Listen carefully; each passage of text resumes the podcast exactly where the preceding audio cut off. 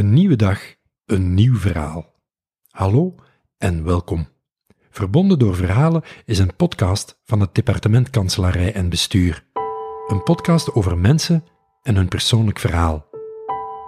Elk verhaal is een bouwsteen om onze organisatie nog sterker te maken voor de toekomst. Om nog meer verbonden aan de slag te gaan.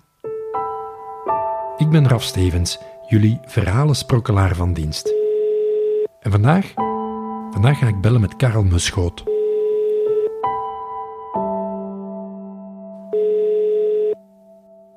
Met Karel. Ja, mijn naam is Karel Muschoot. Ik hou mij bezig met de coördinatie van de digitaliseringsprojecten van ons departement. Dat betekent dat ik ervoor moet zorgen dat er middelen zijn, dat het project in goede banen gaat, dat het volgens de richtlijnen van de Vlaamse overheid en de keuzes van ons departement wordt gerealiseerd. Dat is mijn opdracht. Ik heb twee zonen uh, van eerste en vierde jaar middelbaar. Uh, de oudste is eigenlijk, uh, die trekt goed zijn plan um, al vele jaren. De jongste is nu natuurlijk de eerste stappen aan het zetten in het secundair onderwijs. En die heeft al wat meer aandacht en ondersteuning nodig om te zien dat hij alle opdrachten goed begrepen heeft. Het komt ook via het Smart School platform, via berichten en meldingen, via de agenda en uploadzones enzovoort langs alle kanten. Dus uh, het is al een beetje directieve werk om alle opdrachten van één bepaald vak bij elkaar te krijgen, laat staan dat elk vak dan nog eens op een andere manier werkt. Dus uh, daar help ik wel bij. Is dat vergelijkbaar met, met leiding geven of, of projectverantwoordelijkheid nemen in je team? Zie je dingen terugkomen van hoe dat je ja, coaching aanpakt?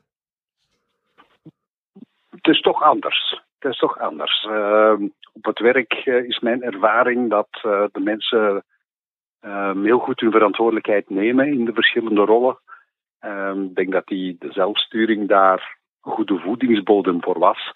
Uh, en dat mensen niet proberen van uh, andere dingen te doen dan die waar ze worden verondersteld mee bezig te zijn. Voor mij is het vooral belang, van belang dat, we, dat ik de grote lijnen volg. Ik ben zelf geen projectleider op zich. Uh, maar ik zorg ervoor dat de projectleiders hun werk goed kunnen doen. Is meer een ondersteunende rol ook dan, uh, dan een sturende. Heeft die zelfsturende organisatie of meer weg, weg van een hiërarchische structuur veel invloed gehad op, op jouw job doorheen de jaren? Um, ja, doorheen de jaren allicht, uh, aangezien ik uh, tien jaar afdelingshoofd ben geweest in uh, sterke en minder sterke hiërarchische structuren. Ehm, de zelfsturing. Ik, ik, had sowieso mijn job van afdelingshoofd al stopgezet voordat Martijn besliste om een zelfsturing te introduceren in ons departement. Uh, een aantal afdelingshoofden zijn daardoor, uh, zetelende afdelingshoofden zijn daardoor eigenlijk hun job kwijtgespeeld. Dus de impact voor was dan voor mij was veel groter dan voor mij. Dus ik was eigenlijk al bezig met die rol van programmamanager rond die digitalisering op het moment dat die zelfsturing in werking trad. En ik had niet uh, het idee eigenlijk dat het de zelfsturing de zaak bemoeilijkte. Integendeel, dat uh, de, de, de vrijheid, maar ook het engagement dat de mensen namen, dat dat eerder sterker werd in, uh, in de projecten dan dat dat uh, afnam. Ja, ik trek niet altijd een harde lijn tussen wat mijn persoonlijke ontwikkeling is en wat mijn plaats is in, in de organisatie. Uh, wat voor mijzelf een, uh, een grote stap vooruit was, was dat je de samenwerking rond projecten en de versterking of het bijroepen van collega's om uh, hun know-how in te brengen in een project, dat dat heel rechtstreeks kon gebeuren. En dat je niet via je eigen team en afdelingshoofd naar het andere afdelingshoofd moest, die dan opnieuw aan het teamhoofd ging, om daar dan vervolgens een nee te krijgen. Nu stap je naar collega's op basis van gelijkheid en deskundigheid. Uh, en dat was voor mij wel een, een, een, verrijking om op die manier te kunnen werken. Dat geeft toch wel een beetje een boost om uh, op die manier te kunnen samenwerken met collega's zonder allerlei beslissingslijnen die met andere zaken te maken hebben dan met de deskundigheid en de, bereik, bereidheid pardon, van, uh, van mensen om mee te werken. Denk je, Karel, dat met de fusie daar verandering in komt? Het is nog onduidelijk, maar er komen natuurlijk. Uh, we, komen, we gaan samen met een departement dat een andere traditie heeft. Een traditie die wij ook gekend hebben en die bijna overal in de organisatie nog leeft. Uh, waar die hiërarchie wel nog aanwezig is. We hebben een leidend ambtenaar een toekomstige leidend ambtenaar die wel heel participatief denkt in het uh, bijeenbrengen van mensen, in het uh, begeleiden of ondersteunen van de fusie, het richting geven aan haar departement. Maar er zitten ook wel een aantal zetelende afdelingshoofden en ik heb niet de indruk dat men zover zal gaan als de zelfsturing daar ook introduceren. Het principe is ook altijd geweest best of both worlds. Dus we bekijken wat de, hoe we de kracht van uh, zelfsturing kunnen combineren met de kracht van uh, beslissingslijnen. Hè.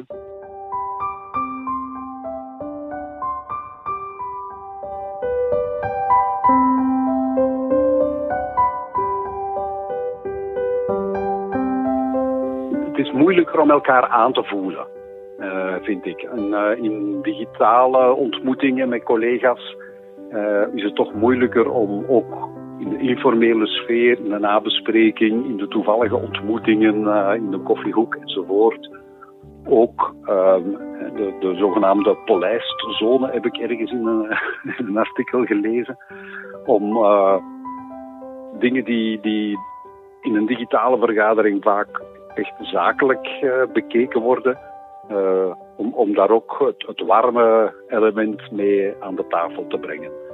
Uh, maar het, het zorgt inderdaad wel voor een stukje afstand. Dat, uh, kijkt in termen van, oké, hoe kunnen we het doen werken?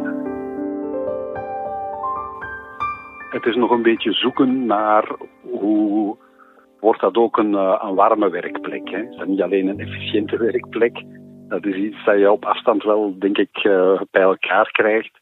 Maar hoe wordt het ook een warme werkplek en hoe zorg je ervoor dat de mensen die, die verbinding uh, ook echt voelen?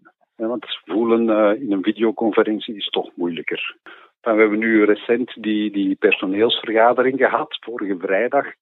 Dat was ook een heel fijne ervaring. Dat was een, een officieel luik tussen aanhalingstekens, waarin Julie het woord voerde, online allemaal dat, uh, over waar we staan en waar we naartoe gaan met het departement. Uh, en een informeel luik waarin kleinere groepen in teams, vergaderingen, uh, mensen bepaalde ofwel thema's uit organisatie of uit de vrije tijd informeel met elkaar konden bespreken. Uh, en dan merk je dat na zo'n moment dat je en de baas gehoord hebt en uh, informeel met uh, bestaande en nieuwe collega's van gedachten hebt gewisseld, uh, dat jullie wel dingen in beweging brengt. Dus dat is, wel, dat is wel fijn om te voelen. Het is een beetje verhalen delen. Ja, klopt. Ja.